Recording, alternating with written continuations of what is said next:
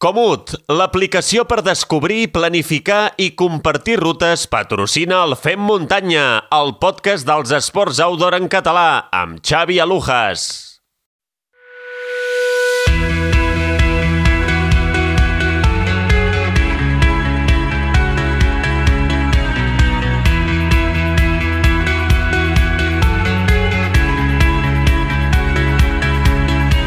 Avui ens acompanya el Fem Muntanya un gran corredor de muntanya, un gran corredor de raquetes de neu, un corredor que en els seus inicis van ser en l'atletisme i que actualment doncs, no se'l veu gaire amb un dorsal al pit, però que no deixa mai de córrer ni de practicar esport. Just Sociats, benvingut al Fem Muntanya. Moltes gràcies i encantat d'estar novament amb vosaltres. Doncs eh, les gràcies eh, te les dono jo tu per eh, eh, voler i acceptar aquesta invitació i passar uns minutets amb nosaltres, que parlar amb tu sempre és un plaer. Escolta, Jos, com estàs ara? Eh, ara ho deia, eh? Darrerament no se't eh, veu gaire amb un dorsal. Eh, estàs bé? Físicament estàs bé? Estic bé, estic perfecte. No estic en forma com fa 5 anys, com fa 10 anys, com fa 15 anys, però estic fent esport, estic fent muntanya, estic fent família i, i estic bé, estic molt content i animat. Eh, com és que ara has eh, aparcat temporalment una miqueta les competicions? Bé, la, la pandèmia ens va parar a tots. Uh -huh. Jo ja portava un temps que estava fent menys competicions, eh, menys llargues, un cal- calendaris menys, menys exigents per temes familiars i perquè tots ens fem, anem, anem fent una edat, anem tenint una edat, i la pandèmia ens va parar. I al tornar de la pandèmia doncs, no he tingut la, la necessitat o el neguit aquell que tenia abans sempre de buscar calendaris, competicions, ara aquesta, l'altra, que més d'Espanya, Catalunya, d'Europa, mm, no l'he tingut, i com que no l'he tingut, doncs no, no m'he ficat cap dorsal. I no senzillament, i- i- senzillament és això. O sigui, evidentment no has seguit cap circuit, però tampoc cap allò, cap cursa petita, cap cursa doncs, de- de- d'algun poble, que... res, no? No, no, en tres anys vaig fer una cursa l'any passat, sí que l'estiu a, a Rotterdam, un, uns 10 quilòmetres allà en un, en un parc que feien, que sí, estava de vacances i, i ens va coincidir i la vaig fer i, bueno, com, com entendreu, em vaig arrossegar bastant perquè sí que estic corrent però no estic entrenant. Llavors, eh, mm, vaig fer aquesta, però no faig curses, o sigui, des de pandèmia per mi no m'he ficat un dorsal com Déu mana. L'últim va ser uh, fa 3 anys a la pujada a la Mola, i després vaig fer la cursa de bolet d'Ullastrell, i després vaig fer una cursa a França amb raquetes, que em va anar bastant bé, que vam tornar d'allà i ens van tancar, i jo crec que vaig tornar d'allà en Covid, perquè tenia una tos terrible i era la zona que després va ser la primera zona que es va veure a Itàlia afectada, i a partir d'aquí mm, ja està, no, no em fer cap, cap més dorsal. I de moment no tinc un, un objectiu a curt termini que digui me'n ficaré aquell. No el descarto, però ara mateix no el tinc. Eh, Et falta, diguéssim, aquella motivació, no? Jo crec que és una cosa que és curiosa i, i que està bé de parlar-ne, no? Perquè eh, parlo ara per, per mi, no? Però també és veritat que no tinc tant la... Sí, sí que és veritat que m'he posat més dorsals eh, en, en aquest darrer any i mig, dos anys, però no tinc la necessitat ni de fer ultradistància com feia abans de la pandèmia o de fer tantes curses més, tan seguides, és a dir, les tries més i, i, i busques la motivació real pel qual eh, anar a un lloc, desplaçar-te a un lloc, posar-te un dorsal i, i, i competir. Sí, sí, correcte, és, és així, ja és així, i ara estic en el punt que no, bueno, que aquest lloc de moment no el trobo, però de fet encara diré més, mira, miro a companys, el Tòfol, el Tòfol que té 50, 50. anys i segueix competint any rere any i la veus amb la il·lusió aquesta terrible de vinga, preparo la CCC, la TDS o, o el que sigui, o la, eh, faig de serra remuntada d'un cap a l'altre i torno i penso, Tòfol, quan parlo m'he dit, Tòfol, com pot ser que tinguis encara aquesta, aquest, aquest, aquest input, aquesta... Diu, no, perquè ho necessito, em surt de dins i ho faig per això, no, no ho fa per cap obligació ni comercial ni, ni res, ni molt menys. Dic, doncs jo ara aquesta no la tinc. Jo ara el meu, el meu ímpetu, el meu neguit, és amb, amb altres coses, en fer excursions amb els nens, amb la meva parella, en escalar, en esquiar, o sigui... Òbviament que l'esport no, no el deixo, de 7 dies a la setmana, eh, 4, 5, 6 o 7 o, o 7 dies i alguns dies matí i tarda faig esport, això, això no ho he perdut. Però el neguit del dorsal sí, i ja et dic, senzillament és així. Segueixo el món de, de l'atletisme i de les curses de muntanya, eh? o sigui, estic bastant al dia de, del que es fa, però a nivell de, bueno, de mirar el mòbil i veure què, com està la gent i què fan la gent i, i poc més. Ara mateix eh, ho deies tu, eh? no has deixat d'entrenar, no has deixat de córrer, no has deixat de fer bici, no has deixat de fer moltes altres eh, disciplines. Segueixes alguna planificació en concret d'entrenaments o fas el que et ve de gust en tot moment per sensacions i el que et ve de, doncs, eh, pel temps que tinguis eh, disponible en un dia concret? zero planificació, zero, zero, el que, el que em ve de gust. Les setmanes que treballo, que treballo unes setmanes sí, unes setmanes no, em puc desplaçar la feina en bici, que faig 25 quilòmetres cada dia, 12 i 12 o 13 i 13, per tant aquests dies en bici de muntanya, que ja, ja faig una mica d'entrenament, si a la feina tinc una mica de marge, faig un, un tercer mini entrenament a dins de la feina, una horeta més, o sigui, dies de feina puc fer 3 hores d'esport diàries, que 3 hores d'esport diàries possiblement no les feia ni abans, però són 3 hores que faig el que, el que em ve de gust, sense exigir-me si no m'he de gust, si un dia tinc ganes de dir, m'apreto, m'apreto, el dia següent tinc agulletes. sí, és així. és a dir, I les no, no, setmanes que, que no, tinc no, més temps. No t'imposes tant de fer sèries, de... No, no, no et planifiques a, a, fins a aquest punt. No, no, no, no tinc cap planificació. L'única planificació que tinc és la dels nanos d'aquí, uns nanos que sí que entrenem una mica, que els entreno, i, i llavors quan estic amb ells segueixo la seva planificació. Ara parlarem. La meva com a planificació, zero planificació. El dia a dia i sensacions i, i, i la motivació que mogui en aquell moment. Mm, ara parlarem eh, de l'escola de trail de Cross Matà de Pere, eh? però clar, per exemple, se't veu quan eh, el Jan Margarit baixa de França, doncs eh, cada dia se't veu doncs, sortir a córrer amb ell, per la Mola, fent el mico, o per Montserrat escalant. Eh, és a dir, sortir a fer una excursió amb la teva família, ara ho deies, no? Et motiva molt més això que entrenar amb un objectiu esportiu a, a la vista? Ah, totalment, o sigui, se'n veu amb el Jan perquè el Jan a la que surt eh, publica les seves xarxes i bum, hi fa una difusió bestial però aquesta mateixa sortida que em veus amb el Jan la puc fer amb qualsevol altre amic, això també t'ho diré, eh? surto només amb gent propera o gent que hem estat, que hem fet coses junts i ve de gust, o sigui, sense cap obligació i surto a fer el que, el que em proposin el Jan baixa aquí baix que, que viu aquí a Mata de Pere com jo i, i, i vol fer algun truc just, anem a fer això Host, endavant, el que, el que faci falta això em motiva, llavors també t'he dit que dies d'aquests eh, passa que intento seguir Jan i dic, mare meva, no estic perseguitjant o sigui, perquè ell corre molt més que, que jo però que corre més que jo que quan corria fort també, o sigui, no hi ha història. Però ens ho passem bé, fem esport, gaudim i això mateix amb, amb el que et dic, amb escalar, amb esquiar, amb anar en bici amb, amb el que sí i cap de setmanes amb la família.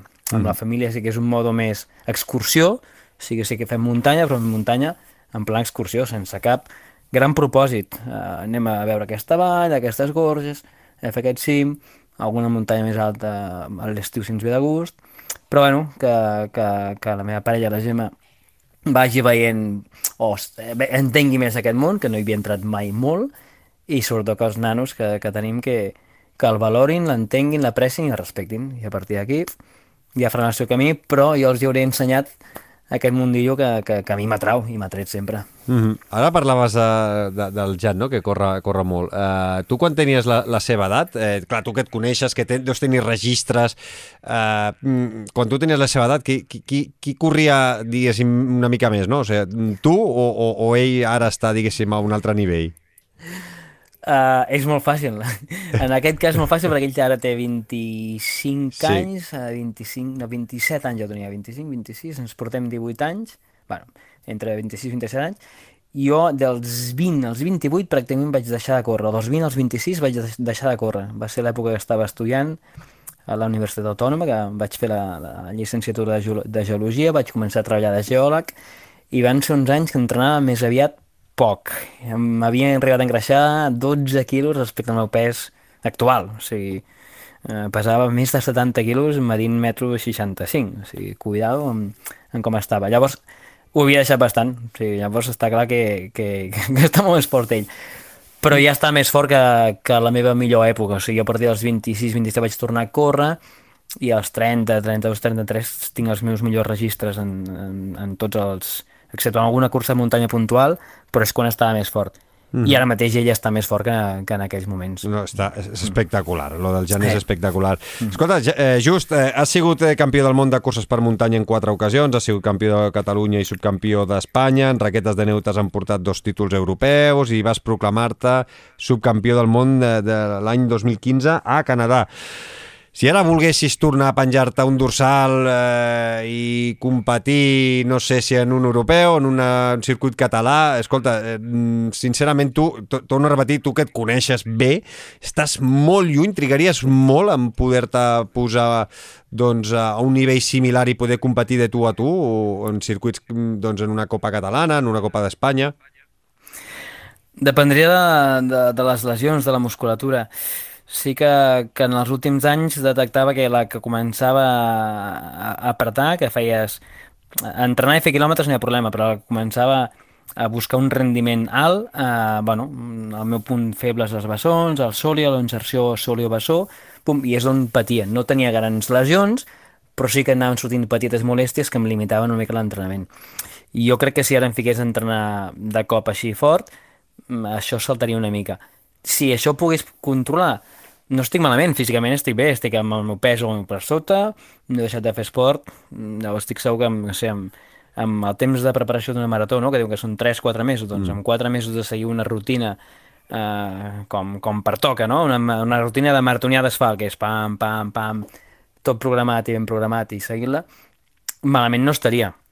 No, no sé respecte a les noves fornades com estaria, perquè hi ha nanos joves que corren molt. Espectacular. Però sí, però sí que veig que les, la, els de la meva quinta que, que van fent alguna, alguna competició i que, i que han seguit entrenant segueixen estant bastant amunt, no, no estan a, avall, segueixen lluitant per, estan lluitant per podis i de més.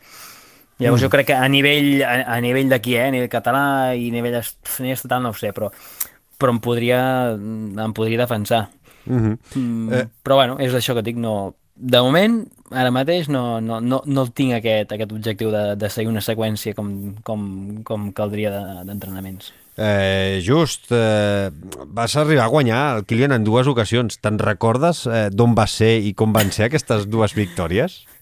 Això no s'oblida, eh? Són temes Home. d'aquests que tenim una foto amb el Kilian al costat per sota és, és molt difícil. Hi ha pocs corredors, eh, que poden dir. I hi ha pocs corredors. I em quedo amb la foto, però em quedo més amb, amb, amb les curses que, que vivíem amb aquesta gent al seu dia, amb el Kilian, l'Agustí, tota la jornada i la, la fornada aquesta, que érem una colla que, que corríem per, per totes les curses del món. Uh, sí que me'n recordo, però van ser curses que realment no eren gens la seva cursa. La primera va ser a la, a la Torre de Collserola, que feien una competició que hi havia unes prèvies que feies al Pirineu de quilòmetres verticals i al final feien una final als 20 millors la Torre de Collserola i era pujar els 318 graons, crec que són, uh, o 38 plantes, 308 graons, bueno, eren 3 minuts de competició, pum, de, baix, de la base de la torre fins, fins a dalt, fins al mirador. I era cronoescolada, cada mig minut sortia un, pam, pam, pam, i jo vaig sortir enrere, no sé, perquè no, no, no, no em coneixia encara. I com van, bum, penjar tots els temps en el, en l'Excel de, de, de la crono va sortir que, que havia guanyat jo. Ostres! I a Kilian i Agustí Roc per sota. Va ser, allà per mi va ser una mica el, pum, el trampolí. Em vaig ficar d'un just que havia començat a córrer per muntanya dos, dos anys abans a estar, bueno, vaig entrar a la selecció catalana, a l'espanyola, eh, vaig fitxar per New Balance, o sigui, va ser un clec instantani aquell, aquell moment. I la, i la, segona, això... i la, i la segona vegada? I la segona va ser en els Sky Games, que durant uns quants anys es van fer com uns, com uns mundials de curses de muntanya, que es feien cada 4 anys i que feien una marató, un quilòmetre vertical, uh, un duelo de muntanya i l'Sky Speed, que l'Sky Speed era una cursa que l'únic requisit eren que hi haguessin 100 metres de desnivell, des de la sortida fins a l'arribada. I eren curses això de, de 200 metres de longitud aproximadament, o sigui, buscaven una, una rampa al mig d'un prat que hi hagués una pendent bestial i sortien de 4 en 4, o sigui, 4 persones, puam, fins a dalt, 4 fins a dalt. I jo en aquella ocasió tampoc vaig sortir amb, amb la amb l'última tanda, diguem-ne, meus favorits, sinó que vaig sortir amb l'anterior, l'última la va guanyar el Kilian, però l'anterior l'havia guanyat jo, i amb els temps vaig tornar a guanyar jo. Llàstima, per això que no va... Sí, el que dius tu, eh? no són curses eh, molt clàssiques, però no. eh, bueno, són victòries, al, al final són victòries, sí, en... però clar, és allò que dius, hagués sigut potser una mica millor, no? Eh, haver guanyat clar, amb una cursa en línia. Era impossible, això era impossible. El guanyava perquè ell, ell, ell feia la seva cursa, la seva marató, la seva cursa de 20, de 30, 40, el que sigui, que és el que preparava, i jo sabia que aquest tipus de cursa tan curta, tan explosiva, ni ell ni llavors pràcticament ningú preparava, jo venia de, de la competició d'asfalt, la competició més, més ràpida, de fer 3.000 obstacles, 5.000, i el meu entrenador vam veure l'escletxa aquí i deia, ostres, això la gent ho preparen i això és una medalla, és un podi igual que l'altre. I aquí tenim opcions perquè són, són ràpids, perquè això no ho tenen la gent de muntanya encara. I ho vam preparar exhaustivament, eh? Havia fet entrenaments eh, bèsties de pujar escales eh, en un bloc de 13 plantes amunt i avall com, com, com una persona allà que dius, què fa aquest tio aquí? qui, I va qui, et ve, bé. qui et vegi pujant i baixant escales, tu no, sol. no en tenien res, no, no, ja és surrealista. Però bueno, mira, em va servir per això, no? per, per guanyar el, el Kilian, per fer el salt i per tenir aquest record, que bueno, no, per mi és un record molt xulo. Els meus fills els dic que un dia vaig guanyar el Kilian, que no el vam guanyar per dic, no, m'estàs enganyant, tu no l'has guanyat. Dic, bueno... Busca, una- busca fotos per internet. Clar, una cursa rara, però l'he guanyat i no un cop, no, dos cops. Uh, escolta, just, uh, a veure, uh, se't caracteritza per fer curses curtes, no? Màxim maratons, mm, has fet, no sé si has fet curses molt més llargues, a part de la Matagalls Montserrat, que l'has fet alguna vegada, no?, en un parell d'ocasions. Sí, el Matagall sí que la vaig fer, ja vaig, bueno, va ser una mica, vaig guanyar, però bueno, Matagall ja sabem tots que no és una, no és una competició purament. I de llarg vaig intentar fer un any la, la Ultra Barcelona, de 60, eren 60 i alguna cosa, la vaig preparar, t'he de dir que no ho vaig gaudir preparant-ho, i la vaig fer, vaig sortir, i dic, ostres, això va molt lents la gent aquí, a mi que m'agrada córrer, vaig marxar tot sol, vaig fer 40 o 50 quilòmetres tot sol, primer, dic que això és molt fàcil, dic, soc, seré, el, seré el, el puto amo, no?, que diu el, el, el, però al quilòmetre 50 em van atrapar dos companys i ostres, potser no és tan fàcil això. I va, tiro. Muscularment em vaig començar a garrotar, no havia menjat el que tocava, no havia begut el que tocava, uh, em van avançar, em van deixar, dic, hòstia, em puc anar tan lent? I al quilòmetre 57, 58, falta 10 quilòmetres de meta, que anava tercer i el quart el tenia, no sé, mitja hora, em sembla. Vaig plegar, dic, no, no, no, no ho veig. O sigui, hi havia un entrenador allà, dic, Joan, eh, plego, però és que no és que plegui avui d'aquesta ultra, no, és que no em faré cap més d'ultra. I, I ja està. I- No, no m'he trobat bé, a mi m'agrada córrer, o sigui, sortir a la meva distància ideal per mi era la mitja marató, quan estàs en forma, que, que pots córrer, pots donar gas, pots pam, pam, pam, i no hi ha l'estratègia que sí, però és de córrer. Clar, en, ultra, en una ultra saps tu millor que jo que, que, que entren molts factors de Molts. cansament, de menjar, de beguda, de superar els moments dolents de la nit. Jo això no ho he preparat i no, no crec que ho he preparat. He fet, alguna, he fet la Carros de Foc dos o tres vegades i l'he fet non-stop ràpid, he fet coses llargues, però amb un altre, amb un altre esperit que, que no les ultres que, que feu, aquestes animalades. Mm -hmm. No, no, la veritat és que és, eh, no té res a veure. Eh? Eh, jo ara li estic també trobant el puntet a, a les curses per sota de les 3 hores, diguéssim, és a dir, mm -hmm. mitja, entre, entre els 15 i els 30 quilòmetres. Són curses molt divertides, perquè si les prepares mínimament bé, eh, et trobes que tens gas durant molta estona, eh, l'alimentació és important, la hidratació és important, Correcte. però, clar, eh, evidentment amb una ultra, eh, com t'oblidis de menjar quan toca o de, o de beure quan toca, estàs mort i no arribes. Ja està. Eh, actualment parlàvem eh, que entrenes un grup de joves eh, de l'escola de trail Club Cross Matadepera. Què, què, o sigui, què els hi aportes què, eh, a, a, als nanos eh, que, que portes? No sé quina edat tenen. Mira, aquí el, el club aquest de, de curses per muntanya, com vulguis dir, la Mata de Pere, va néixer fa 10 anys. I jo vaig entrar fa 3 anys o 4, ja crec, com em van dir si volia venir algun dia a entrenar amb ells, amb, amb els grans. Els grans tenen entre 14, 15, 16, 17 anys, de 14 a 17 aproximadament. Hi ha nanos des de 5 anys, eh? A 5 anys entren els petits i anem fins a 18. I jo vaig amb els grans i només quan, quan puc. I vaig entrar, dic, bueno, doncs vinc i corro amb ells, no, no m'importa. Uh, des de fa un any que, que la, qui ho portava a plegar i ara ja sóc, sóc el president del club i hem fet una junta nova, o sigui, m'he liat més de, del que estava. Tot i que la presidència, tota la gestió més de- d'entitat, uh, sincerament és un tema que, que s'ha de fer i algú l'ha de fer perquè si no el país estaria mort en aquest sentit però és una, és, són unes tasques eh, denses i complicades i molt poc agraïdes. O sigui, des d'aquí, xapó a tots els dirigents que fan això per amor a l'art, perquè cuidado amb la feina que, que, que implica i que no és visible per enlloc, eh? O sigui, no, ningú t'ho reconeix, això. Al contrari, obviant al, al, eh? al, al contrari. Si t'equivoques eh, prenent decisions, alguna cosa no va bé, eh, no es fan activitats o qualsevol cosa que, mm, que passi, eh, la Junta és la primera que rep. Ah, Exacte, però obviant això que s'ha de fer Sí. i, i que per això ho faig, la part de- d'entrenaments i m'ho passo molt bé, amb aquests nanos de 14 de 17 anys que ja estan allà darrere meu, encara els mantenc en línia, pujant els mantenc en línia quan venen pujades perquè comencen molt forts, perquè tenen gas, però bueno, encara tenen aquell punt de no els saben regular i dic, ja us atraparé, no patiu. I encara els tinc a, a, en línia darrere. Ara, quan comencem a baixar, ja és impossible. Ja, tant els nois com les noies, eh? O sigui, és sorprenent com baixen tots, que dius, mare meva, com, com que esteu bojos o què?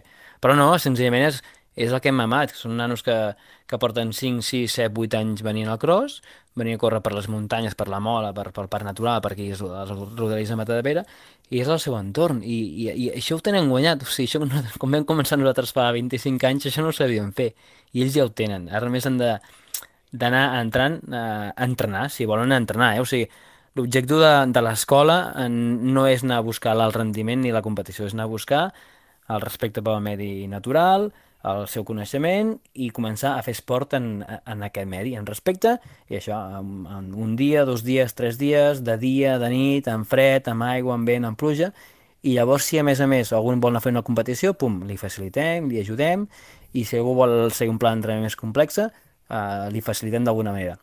Però nostra, la nostra idea és anar a formar gent, a córrer i a moure's per la muntanya amb, amb respecte i amb tranquil·litat i amb seguretat i, i corrent per allà, que hi, ha, que, hi ha espai, que hi ha espai per tots. I amb això estem. No, no, no tenim grans pretensions, però aquesta sí. Mm -hmm. Que amb els grans ja que et dic, els grans corren. Els meus ja comencen a córrer i també tinc aquell punt que m'ho passo, potser m'ho passo millor jo, en aquest cas, que ells perquè els sento com corren i com pateixen, com em busquen, com volen avançar, i bueno, és, és, és un joc, és un joc xulo que, el que no em dona potser la competició m'ho dona l'entrenar amb aquests grups de, de, de nois i noies. Déu-n'hi-do. Escolta, veus un bon futur en l'esport de muntanya d'aquí a uns quants anys o què? Sí, sí, perquè això està engegat. Ara vam començar, jo crec que aquest esport va començar per dalt, va començar la casa per la taulada, tots, a tots els nivells, però hem anat baixant avall i ara ja, i ja hi ha, clar, a Catalunya em sembla que hi ha 40 o 50 escoles d'atletisme, però mm. d'atletisme de muntanya, de trail running, de com vulguis dir-li, però ja són escoles que els nanos comencen corrent per la muntanya, caminant per la muntanya i entrenant per córrer per la muntanya. Abans veníem uns de l'atletisme, altres de l'esquí, els altres de, de la muntanya convencional, i ens trobàvem allà i entrenaven cadascú com volia. Això ja no... Això s'està regulant i això portarà que cada cop hi hagi més, més, més volum de gent que ho facin a tots els nivells, també per sota tenint d'escola, i farà que surti gent molt, molt més bona. Aquí i a tot arreu, fins ara la potència mundial era Catalunya, Espanya i, i, i alguna part d'Europa molt, molt concreta, mica en mica si vas veient tots aquests joves, eh, surten joves de, de països curiosos, no? noruecs i suecs, i tu dius, ostres, i aquesta gent d'allà, doncs això vol dir que, que, que, que l'esport està creixent, no? És una taca d'oli, bup, i, i això anirà increixendo, inclús ha, ha d'arribar a països africans, no? Uh mhm. -huh. No sé com arribar, ara que han sortit aquests temes de doping, però bueno, però arribarà i, i això farà que l'esport pugi, pugi molt de, en qualitat. Ara ho estem veient, a més a més ho parlem molt amb l'Albert Torrent a, a les píndoles que fem d'actualitat i, i és que cada vegada hi ha nanos de 15, 16, 17 anys, eh, nois i noies, eh? eh molt joves que, escolta, eh, guanyen curses importants a, a casa nostra. Això suposo que, que significa que a part de començar més joves a entrenar i entrenar bé, eh, a fer-ho amb seny, amb fer-ho doncs, eh, amb una bona alimentació, amb un bon planning i sempre sabent on són i no cremar-se abans d'hora, no? És tot, clar, abans només sortien cracs com el Kilian, ara sortiran molta gent amb, amb, amb molt nivell i que, que s'entrenen molt bé i, i això ho facilita.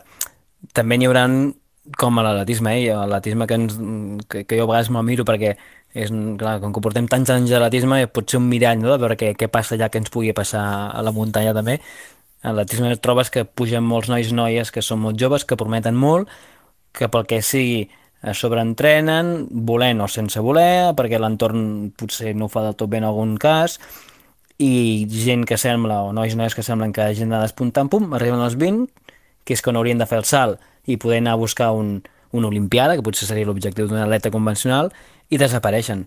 Això també ens passarà amb la muntanya. Mm -hmm. Estic convençut, nanos ara que són boníssims, que alguns arribaran a dalt, però també hi haurà que pel que sí, o per les circumstàncies personals, eh? perquè no puguis seguir entrenant el que toca perquè tots tenim una vida laboral o, o d'estudis al seu moment que no té per què permetre't eh, seguir anant a buscar el nivell que poder estar al nivell és un conjunt de, de coses complicades però bueno, hi ha més volum, hi ha molt més nivell o sigui, el, les següents fornades són, seran increïbles Tu que has guanyat també moltes curses, has guanyat molts campionats, ara ho, ara ho repassàvem, eh? eh? Tu creus que si un nano de 15-16 anys ara guanya doncs, campionats eh, júniors, eh, cadets, eh, ca- eh, de, de Copa Catalana o, o, o alguns que puguin guanyar a nivell estatal, creus que guanyar tant d'hora els hi pot fer eh, doncs, que, els que no facin el salt eh, quan siguin sèniors? És a dir, que eh, durant 4 o 5 anys guanyen tant que, no sé, que abans d'hora perdin la fama de guanyar. No sé si això tu que has guanyat tant, eh, és veritat o no? És a dir, quan guanyes molt, perds la fama aquesta o al contrari, tens més ganes de, de guanyar? És, és complicat. La, la, fam, si guanya, quan guanyes estàs molt bé a dalt normalment, no, no tens problema. El problema és que el dia que deixis de guanyar perquè sí, perquè arriba més gent, a veure com, com ho gestiones i a veure si, si, si, si aquest esport et permet viure d'això, llavors et permet seguir entrenant i cuidant-te i, i, i fent la teva vida o, o no. També t'he de dir que les edats, que sé, eh, fins, fins que tens 17, 18, 19, 20 anys, jo crec que s'hauria d'entrenar, però s'hauria de gaudir. O sigui, la, la, fa pocs dies parlava amb, el- amb el Jordi Toda, el, el marit i entrenador de la Marta Galimany, que va fer el rècord d'Espanya de marató ara el mes passat, un rècord que tenia 25 anys, que la Marta és una noia que va començar a córrer i entrenar als 20, 20 i tants anys Sí, sí. i ara eh, ha fet la millor marca espanyola de tots els temps de marató que ell ho diu, diu jo les noies de l'atletisme la, per anar buscant el rendiment, més que anar buscant noies de 14 i fer-les créixer, diré, escolta, aneu fent, aneu entrenant, aneu fent un esport, però sense anar a buscar un rendiment, que el rendiment l'hem d'aconseguir eh, quan, som, quan, quan hem crescut, que és com podem apartar el cos i poder anar a buscar ser olímpics en aquest cas o el que sigui. Però fins als 20, 20 i alguna per fer això, relax, ja tindrem temps. No, no vulguem cremar totes aquestes etapes de cop perquè després a vegades surt, surt el tema malament. I més amb esport femení, no sé què es deia, que en masculí, eh, per temes ja de, de la menstrualitat i aquestes històries, que és, que és un altre món en l'apartat femení. Però jo llavors, tornant a, a com ho veig jo, eh, aquí de moment nosaltres eh, optem més per això, eh, perquè gaudeixin, disfrutin, s'enamorin de l'esport, s'enamorin de la muntanya, que la vulguin, i llavors els que els interessi ja seguiran. I d'aquests que els interessi, alguns seran bons i d'altres no, seran, no, no faran podis, però estaran allà també. Uh, bueno, les etapes s'han d'anar cremant. Això no vull dir que, que no s'hagi de competir, eh? perquè hi ha un que veus que, que té ganes de competir o a competir perquè, perquè ho demana ell. Doncs endavant. I, i l'acompanyarem, però sense accelerar-lo ni sense frenar-lo. O sigui, intentar que tot l'entorn aquest sigui eh, una mica coherent i dir, escolta, tenim un nano d'aquesta edat, eh, cuidem-lo sense, que, sense rebentar la màquina perquè no... no de Kilians no n'hi ha, de Kilians n'hi ha un. Sí, sí. Llavors, això ho hem de tenir clar. La resta anem fent. A vegades per això la societat sembla que anem a una velocitat endiablada, és a dir, veus, mira el ciclisme, ostres, qui està guanyant el Tour ara mateix? Qui ha guanyat la Sí. Volta ara? L'Even Sí. Poel, el Pogacar, el Juan Ayuso i, i, i el Carlos Rodríguez, que ja sembla que eh, siguin els nous contadors, no Puritos, nous Valverdes, amb nanos de 19-20 anys. Clar, veus això, eh, veus eh, doncs, també corredors que tenen eh, molt joves, no? El, el Jan Torreia, el Ionet, eh, el Jan Castillo, vull dir, veus nanos que també estan pujant, eh, que tenen per sota dels 20 anys i estan guanyant. Clar, sembla que, que tothom, no? que nanos de 14-15 anys eh, de clubs, doncs que, que si no guanyen no arribaran a res i al final l'únic que han de fer és la seva base, no? Sí, no, és, sí, a mi amb tots aquests nanos m'agradaria conèixer-los, m'entens? Veure'ls, parlar i dir, vale, perfecte, això que fa- estàs fent m'agrada. Però eh, ens quedem moltes vegades només amb, amb, amb les xarxes socials i amb els resultats, i, hòstia, i a les xarxes socials al final Perilloses. amb, amb temps vas veient que, que hi ha molt fum, hi ha molta cosa que no, que no és així. He vist gent expressar una cosa allà i he parlat el dia següent amb ells i dic, ostres, però, però estàs bé? De veritat estàs bé? Has vingut a córrer aquí perquè volies? No, perquè clar, aquest m'ha pagat aquesta càmera i havia de fer unes fotos i si no... Dic, uf, clar, uh, compte, compte amb, amb aquestes cosetes. Llavors, bueno, tots aquests nanos ja, ja, ja es veurà, o sigui, no, en cap cas pretenc dir, stop, freneu la, la, la, la màquina, eh, perquè suposo que molts ho gaudeixen, que sé, jo Jan el conec des de sempre i el, la seva evolució l'he viscut sempre i ha estat més o menys sempre bé, en algun moment puntual, que sé, com el, també el Kilian va tenir un any que va dir, eh, prou, tant. sí, paro. El Jan també ha tingut moments de, eh, escolta, que estàs dins una roda i aquesta roda compta, compta el que fa. Mm. Gaudeix i si gaudeixes, pum, La resta ja, ja, ja anirà venint. I la irrupció, i la irrupció de, eh, en el trail de eh, patrocinadors que cada vegada doncs, aposten més diners eh, per corredors joves, a veure qui aposta, a veure si podem moure un corredor d'un equip a un altre o de, de, de fer equips de, de gent molt jove. Creus que això eh, és, és positiu o és negatiu? Que estàvem acostumats, eh? Fins ara que només teníem... Tots sabien que hi havia Salomon Sí. i, i, i poc més, i aquests últims anys i aquest any encara més, hi ha hagut aquí un, un, un mercato no? de, de l'atletisme impressionant que, em- que em sorprèn, però bueno, em sorprèn positivament, no? O sigui, les marques aposten i pel que conec algunes xifres aposten que, que, el, que els èlits, bueno ja ho veiem, els èlits de Catalunya en tenim varis, que poden viure d'això. Ostres, això jo quan vaig començar era impensable, no? El següent és, aquí no viurà mai ningú d'això. I, i gràcies a tots hem aconseguit que els que són èlits puguin dedicar-se a això, cosa que ja és un èxit, un èxit espectacular. A partir d'aquí, la resta, de, quan es van fent equipets amb nanos tan joves, també s'ho veure que els hi ofereixen, no? O sigui, que no, que no, que no venguem el nostre producte per, per unes bambes, que eh, eh, s'hauria de- de- d'anar en compte, però bueno, que les marques estiguin allà dient, eh, muntem l'equip eh, aquest, l'esportiva, el Salomon, el Bufa, Asics, una mica, Brooks, sí, Asics, sí. Brooks, el New Balance s'han apartat una mica, però bueno, hi ha, hi ha, un, un mercato xulo, xulo. Mhm. Home, això en, en cert punt em fa enveja, eh? perquè al seu dia eh, no hi havia ningú. Hi havia Buf que, que ens patrocinava la selecció, va entrar Salomon, i poc més, jo vaig estar amb New Balance, que sí que van a fer alguna aposta en l'època a Espanya amb Bui i amb el Cupric a nivell internacional, però i era un privilegiat poder tenir un patrocinador que em, que em pagava alguna, alguns diners i em donava material, era un èxit, i ara la gent del meu nivell de llavors, tothom pot anar patrocinat. A, Llavors, ara continua patrocinant a New Balance o no?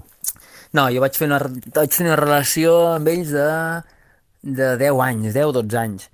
I, bueno, els, con- ens coneixem, vaig acabar bé amb ells, per tant, si algun dia tenen algun event a, la, a Barcelona o a Catalunya que necessiten algun expert, que diuen ells en trail, per fer alguna presentació, em criden i vaig, per, per anar a treure els seus grups de, de, de, de, de comercials o de, de clients a córrer, i, i poc més. Segueixo anant New Balance per això, per, per aquest compromís més, més moral que, que comercial que tinc amb ells, no? De, van apostar per mi, m'han cuidat sempre molt bé, llavors... I, no, i, de moment no m'he ficat altres bambes que no siguin New Balance en els últims 17 anys. i, I has arribat a, a poder, en els teus millors moments, eh? ara que deies tu, ara fa 5 anys, has pogut arribar a viure de, dels patrocinis i de les curses o sempre has hagut de treballar i compaginar-ho amb l'esport? Jo en algun moment, en el millor moment, hauria pogut sobreviure de les curses. Hauria pogut, bueno, les curses de, de, del món del trail, eh? entre sí. patrocinadors varis i competicions i alguna beca hauria pogut sobreviure.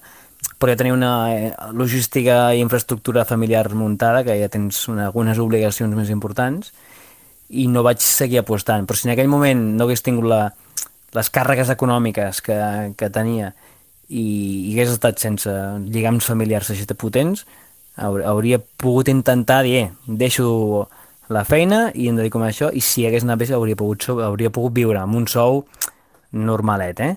Però eh, alguna cosa hauria pogut començar a, a tenir durant un temps molt limitat, eh? un any, dos anys, tres anys. Eh, Però bueno, eren, eren les beceroles no? de, del que està sorgint ara, que, que varis, varis companys estan, estan vivint d'això. El que està clar és que viure de l'esport mai ha sigut un objectiu...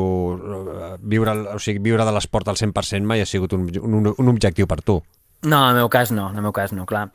Mm, Si ara, ara estar a l'edat dels que dèiem, no? aquests nanos que, que tenen 16 anys, home, òbviament que jo estic segur que ells, tots ells en el seu cap pensen, ostres, vaig en cursa, entro en aquesta marca, em paguen això, si puc fer això, i, i molts deuen aspirar a, a intentar viure això doncs, els propers, que sé, 10 anys de la seva vida, com, com jo també intentaria, eh, en el seu moment.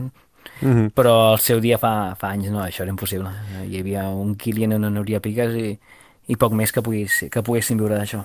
Una de les últimes coses que volia parlar amb tu, just, eh, eres les curses, federacions... Comencem per les curses. Escolta, han canviat molt les curses en els darrers anys? És a dir, quan tu vas començar, us, eh, ja ho deies, eh, us coneixíeu tots, eh, cada setmana o cada competició us trobàveu sempre els mateixos, hi havia sempre doncs, aquell bon rotllo. Això gairebé avui en dia, diguéssim que, que no passa. No sé si ha canviat molt doncs, aquests valors, aquesta, doncs, eh, aquest feeling que hi havia en cada cursa. Eh, trobes a faltar aquella època? Sí, home, en, en, des d'aquest punt de vista, sí. Està clar que, que llavors hi havia poques curses, a nivell català hi havia uns, uns circuits que estaven bé, però a nivell nacional i internacional hi havia un, un circuit internacional que els seguien més o menys eh, els mateixos, no? Els bascos, els catalans, algú de Madrid, algun andalús, llavors italians, francès, algun americà, el, algun colombiano, el, el, el, el, mexicà que havia vingut aquí a l'Ollanuri algun cop, i llavors ens anàvem trobant sovint era, era, érem com una petita família, tant a nivell internacional com a nivell de Catalunya, perquè anaves a fer uh, la pujada a la Pedraforca, pum, et trobaves amb els de sempre, la, a la de Montserrat, als inicis de l'Olla de Núria, o sigui, curses de les mítiques, no? Que, i l'ambient, bueno, el, el tema era això, que ens coneixíem, si a sortirem 150 ens coneixíem pràcticament tots. Amb l'entrada de moltes curses i de molta més gent en aquest mundillo, i gent que, que venen de diferents esports o que venen de no fer esport i, i, i això és un, és un pol d'atracció per, per molts, que ha, ha diversificat molt i ha acabat, eh, ha diluït una mica que, aquest ambient, no? Però no, això no és dolent, això al final és, és, és el que toca, no? Ha crescut l'esport i, i ens hem trobat amb, bueno, amb aquesta situació. Mm. Uh, sent un romàntic, òbviament, que, que m'agrada molt més abans que anar a una cursa i era la meva família de la cursa. Uh, ara això costa més, però bueno, els que vull seguir, al final la meva família abans els segueixo ara una mica per les xarxes i, i sense estar el dia a dia amb ells vas veient una mica què fa un i què fa l'altre i ens seguim controlant una mica mútuament. Eh, L'antítesis del que estàs parlant em ve al cap, eh, per exemple, la, la UTMB, eh, que ha creat aquest monstre, un monopoli. No sé què en penses del circ que, que han acabat muntant, no? No sé com està afectant això i com afectarà en el futur a les curses més petites de, de casa nostra. Home, aquí hi ha algun, algun director general, econòmic o comercial o com vulguis dir-li que, que ha fet la seva feina eh, excel·lent. O sigui, ha vist un nínxol de mercat aquí i s'hi ha tirat i, i està passant la mà per la cara a, a federacions, a sponsors i patrocinis i a tot i bum, està aconseguint fer un... estan aconseguint fer, per exemple, la UTMB, un, un tour de França del Sí, trail, sí. perquè ens entenguem, és, és així. És clar, és que ara eh, l'UTMB, diguéssim que és el Mundial no oficial, és a dir, és, Sí, sí, qui guanyi l'UTMB és el, el millor corredor d'Ultra Trail o el millor corredor dels 100 quilòmetres de la CCC o el millor... Vull dir, que qui guanyi la, qualsevol de les curses de l'UTMB, sobretot si guanyes la, la prova reina, eh, et corones com a millor corredor i, a més a més, eh, la majoria dels que guanyen la UTMB o fan bones posicions, mm, diguéssim que durant un temps no els hi falta patrocinadors, és a dir, que hi han els ulls posats. Correcte, és, és una empresa privada que ha aconseguit, que és la que millor ha gestionat el, el boom de- d'aquest esport a nivell, a nivell internacional. La resta de federacions i de, de competicions han fallat amb alguna cosa, no s'han entès o han volgut mm, dirigir-ho cap on no, cap on no, cap on no, no ha funcionat i aquesta gent doncs ho han fet molt bé. O sigui, la veritat és que, que pot, ens pot agradar més o menys el, el circ mediàtic que hi ha a Chamonix, el que hi haurà a la Vall d'Aran aquest estiu un altre cop que es preuen, no sé, 7.000, 8.000 persones a la Vall d'Aran, atletes, dic, Sí, ostres, sí. És, és increïble que portin Vall d'Aran que viuen, sé que són 2.000, 3.000 persones eh, censades durant l'any, portaran 7.000, 8.000 atletes allà. És bestial, això. Quantes curses a Catalunya porten 7.000, 8.000 atletes? Ja no de muntanya, muntanya cap, però de, de, de, de ruta, a Barcelona sí que hi ha curses amb, amb gent, però a la Marató de Barcelona crec que l'any passat van ser 10.000 participants, Sí, sí. o 9.000. I importarem 8.000 a la Vall d'Aran. I, i, està- I quantes més a Andorra al juny? Per, exacte, per i aconseguir el, el, els, el, els famosos eh, UTMB Stones aquests, Sí, no? sí. que després Sí, ja veurem és- si després et toca el sorteig, no toca el Correcte. sorteig, vull dir, i tots els... Eh, de- Déu-n'hi-do el circ que, que tenen muntat, eh? han aconseguit això, que tothom sàpiga què és UTMB i què implica i tothom hi vol anar. No- Molts desconeixen que hi ha altres proves possiblement molt més romàntiques, igual de xules i, i i molt més econòmiques i que tens una bossa al corredor molt més xula, però com que UTM havia fet les coses mediàtiques ben fetes, doncs cap allà. Que això, I- i... I, això, clar, com creus que afecta... O sigui, bueno, ja veiem que estan, i està afectant a moltes curses de casa nostra. Per exemple, aquest 2023, eh, la, la, la, la Trail Cat Llaràs, que era el juliol, doncs desapareix eh, de moment no, sense data, perquè evidentment el juliol ha baixat molt el ritme d'inscripcions a gairebé totes les curses de casa nostra, perquè la majoria mm, de corredors doncs, eh, van a, o a la Buff Epic Trail o, o, o a la Vall d'Aram eh, by UTMB o a Andorra al mes de juny per aconseguir aquests punts. I llavors, eh, doncs, clar, al final, curses de casa nostra que es feien al mes de juny-juliol, doncs pateixen i, i, i si I i, i han de desaparèixer momentàniament, ja veurem si tornen. Jo crec que a- a- aquí m'agrada mirar una mica el ciclisme, que el ciclisme al final té dos, dos temes molt, molt clars, no? El que és el Tour, Giro i Vuelta, però bueno, ens quedem amb el Tour, per un costat, que és la, la, la vessant comercial, no? que són empreses que munten les seves, les seves competicions, i per l'altra hi ha la vessant oficial, que serien unes Olimpiades o uns campionats del món. Val, si tirem a la vessant comercial, que és el que més coneixem, que és el Tour, doncs aquí ara mateix serà UTMB, i crec que la resta de competicions, tant locals com nacionals, eh, s'hauran d'anar adaptant una mica a, a remolc del seu calendari, no? O sigui, això que deies, mira, UTMB Vall d'Aran, UTMB a Andorra, quan es fa? El juliol, doncs, bueno, anem a, a, a ser una cursa que els que vulguin anar allà, que són molts, la puguin utilitzar d'alguna manera o altra, no? Com, com passa amb el Tour, no? que la resta de competicions internacionals una mica eh, es situen en funció d'aquesta prova per poder tenir això, no? per poder tenir primeres espases i per poder tenir Sí, sí. volum de gent. Llavors, eh, abans tu deies, eh, la meva cursa és el dia 10 de setembre i ara potser de dir, la meva cursa serà, ens adaptarem una mica al que... Depèn de, del volum de gent que busquis de, i, de, i de la tipologia de la gent, eh? Però si vols anar a buscar un cert nivell i una certa quantitat de gent, doncs eh, t'hauràs d'adaptar una mica així. Mm -hmm. O oferir un producte diferent que, que tingui un mercat, que, que tingui un mercat i ja està. I per altra vessant estarà la part, la part més, més oficial, no? que és amb la, el que els hi quedarà a les federacions per, per, per anar tenint una part del pastís. Que qui vulgui ser campió, campió de Catalunya, d'Espanya, d'Europa, del món, o olímpic, si un dia arriba a ser olímpica tot el tema de les curses per muntanya, doncs hauran de passar per, la, per les federacions. Però jo veig així, eh? veig una tendència clara a, fer una, un, un símil amb el- amb l'atletisme, ai, amb l'atletisme, Amb el ciclisme. que el tenim tots molt present, no? Uh -huh. eh, escolta, eh, just, eh, i vaig acabant. Tu has sigut seleccionador català de raquetes de neu. Quins records guardes del teu pas per la selecció? Perquè vau aconseguir grans resultats, eh?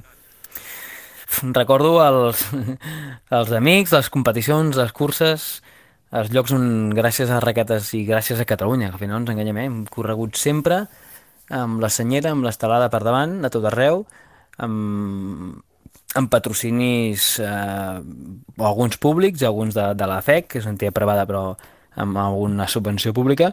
Llavors, home, és d'agraïment infinit eh, que eh, la federació i els diferents estaments hagin, hagin apostat per seleccions catalanes i d'alguna manera o altra segueixen apostant en un moment que, que, és, que és complicat, eh? Per això, perquè al final molts patrocinis comercials també afecten directament amb, amb aquestes històries hi ha incompatibilitats, hi ha, hi ha signades fins i tot que, que t'impedeixen algun tipus de competició si, estàs, si tens algun, alguna relació comercial amb algun altre.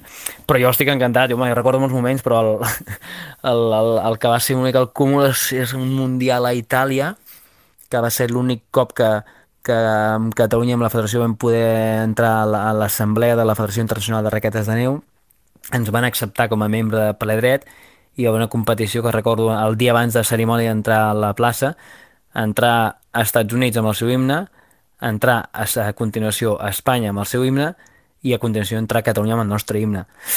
En aquell moment dic, ostres, ara sí ara hem aconseguit un reconeixement que la selecció catalana té un reconeixement internacional. Va durar un any l'any següent ja no ens van deixar entrar com a Catalunya.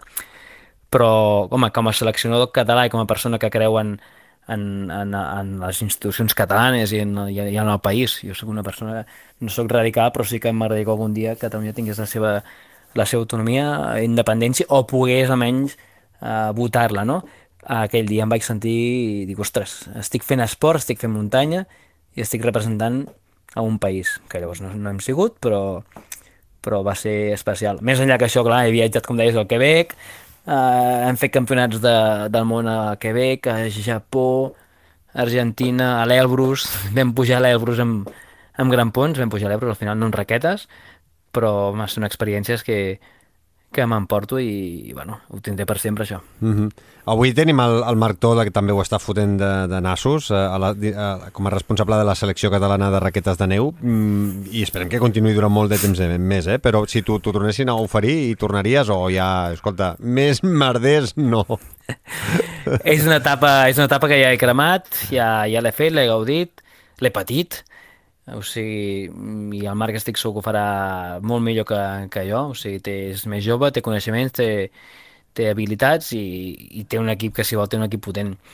Uh, jo ara estic, com, com bé deies, amb altres, amb altres projectes, amb, el, amb els nanos, amb, amb mi mateix en gaudir, amb la família, i ja està. També és cert que el, les raquetes de neu estan en un moment, fa anys que està en un moment complicat. Van tenir una, un, una època daurada a tot arreu, eh? Catalunya, Espanya i Europa almenys, fa, fa uns 10 anys, a Catalunya hi havia també un, un, un circuit català amb 5-6 proves, a Catalunya més el campionat de Catalunya.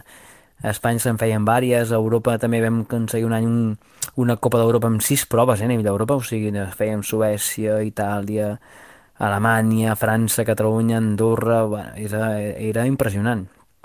A a Itàlia, feia una cursa amb 5.000 persones en raquetes corrents, 5.000 persones. i aquest any em sembla que érem 600 ja només en aquesta mateixa cursa. O sigui, uh, les raquetes a nivell europeu mm, estan, estan baixant molt. Uh, per altra banda, Sud-amèrica i Nord-amèrica hi ha més curses que aquí, hi ha més, hi ha més gent, o sigui, hem fet una mica el trasbàs no? d'aquí cap allà. Llavors s'ha de veure com va els propers anys. Si segueix aquesta línia està clar que les competicions amb raquetes eh, acabaran sent molt residuals i potser apareixeran una mica més competicions amb, amb gran punts. Snow running, de córrer sí. per la neu, però en lloc de raqueta amb, en gran poc és un córrer més, més normal, pot ser per neu, per neu trepitjada. No pots ficar-te amb neu tova o verge perquè t'enfonses. Mm. Eh, I acabo just, eh, ara fa poc que, que l'Albert Jorquera va escriure la notícia del dopatge de l'Ester Chesang, eh, guanyadora de Sierra Final i de la Marató Pirineu de l'any 2022. Què és el que vas pensar quan vas llegir la, la notícia? Que per desgràcia eh, tenim els dos primers casos, eh, dos keniates, creus que arribaran nous casos eh, properament o què? La, la pregunta hauria de ser quan, quants controls es fan anualment en competicions que sé, estatals? A mi amb 20 anys m'han fet dos controls. Dos controls en 20 anys. Llavors, mm, el primer que s'ha de fer si es vol combatre això és fer controls i ja estarà, perquè estic segur que tindríem sorpreses, però sorpreses amb atletes africans i amb atletes no africans, eh? o sigui... Mm, mm, estic segur sí, sí. Que, que a nivell local i a nivell més proper del que ens pensem tots plegats tindríem alguna sorpresa de ostres, què ha passat amb aquest o què ha passat amb aquell a partir d'aquí, si comencem per aquí vagin en tirar amunt, clar, quan fiques diners i patrocinis i, i que pots guanyar la vida pel mig, doncs hi ha gent que potser té el... Alguns tindran l'ego de fer-ho i d'altres potser tindran la necessitat de dir, escolta, me la jugo amb això. Si m'enganxen, què passa? Que no podré córrer més? Doncs mira. I si no m'enganxen, doncs potser hauré pogut salvar la meva família de, de penúries durant un temps. Uh, si realment volem que això no arribi, s'han de ficar barreres. I barreres no n'hi ha, n'hi ha poques de barreres. N'hi ha mm. poquíssimes. I arribarà, eh? Quan n'hi siguin, sortiran, perquè al final el ciclisme han sortit i, i amb l'atletisme han sortit. Però si ho anem frenant, doncs sortiran menys i veuran que és, que és més, més complicat. Si no, cada cop en tindrà més. Que veiguem o que no veiguem, perquè si, si hi han diners, com van entrant diners, implica que hi haurà algú que els voldrà implica que, que alguns faran trampes per aconseguir-ho. O sigui que si entren diners a tots els nivells, a nivell patrocinadors de curses, a nivell patrocinadors d'atletes, a nivell de doncs, eh, diners a nivell tecnològic per poder doncs, retransmetre més aquestes curses, creus que també haurien d'arribar més diners cap a les federacions, cap a les organitzacions de curses per poder fer aquests controls, sobretot a, a, als primers classificats i classificades, no? Haurien de ser obligats sempre en totes les curses que, que hi hagi, que es vulgui donar un cert prestigi, doncs haurien de ser obligats, però estem amb el mateix. Mhm. -huh. eh, són uns diners que, que un control antidoping val, val molts diners, doncs si un val molts diners, imagina't fer tots els que s'hagin de fer, i són uns diners que no tenen cap retorn. És abocar uns diners allà per dir, zero positius. Això no se n'entera ningú i una organització ha gastat 2.000, 3.000, 4.000 euros en fer antidopings Clar, això és, és, és complicat, llavors, com que no hi ha cap legislació que obligui a fer antidòpings als circuits comercials com a mínim, doncs no es fan. Jo els que havia fet sempre eren per anar per ser internacional amb, amb alguna selecció estatal. Mm. O sigui, quan he anat amb, amb seleccions espanyoles. Si no, no havia fet mai cap control. I ella els feia perquè estaven obligats per portar un, una persona a ser internacional, pum, ha de passar un control antidòping. Si no, no, no hi va. I amb atletisme més que en muntanya, eh, que estava que estava i està més reglat. O sigui, tot això ja, com que han passat penúries i han tingut eh, sustos i sorpreses, està més reglat. Que també se'ls incola algun, però no hi ha un sistema per detectar i per evitar tot, a, tot aquest món que amb l'atletisme, que amb, les, amb la muntanya, perdó, encara no, no està implantat. Mm -hmm.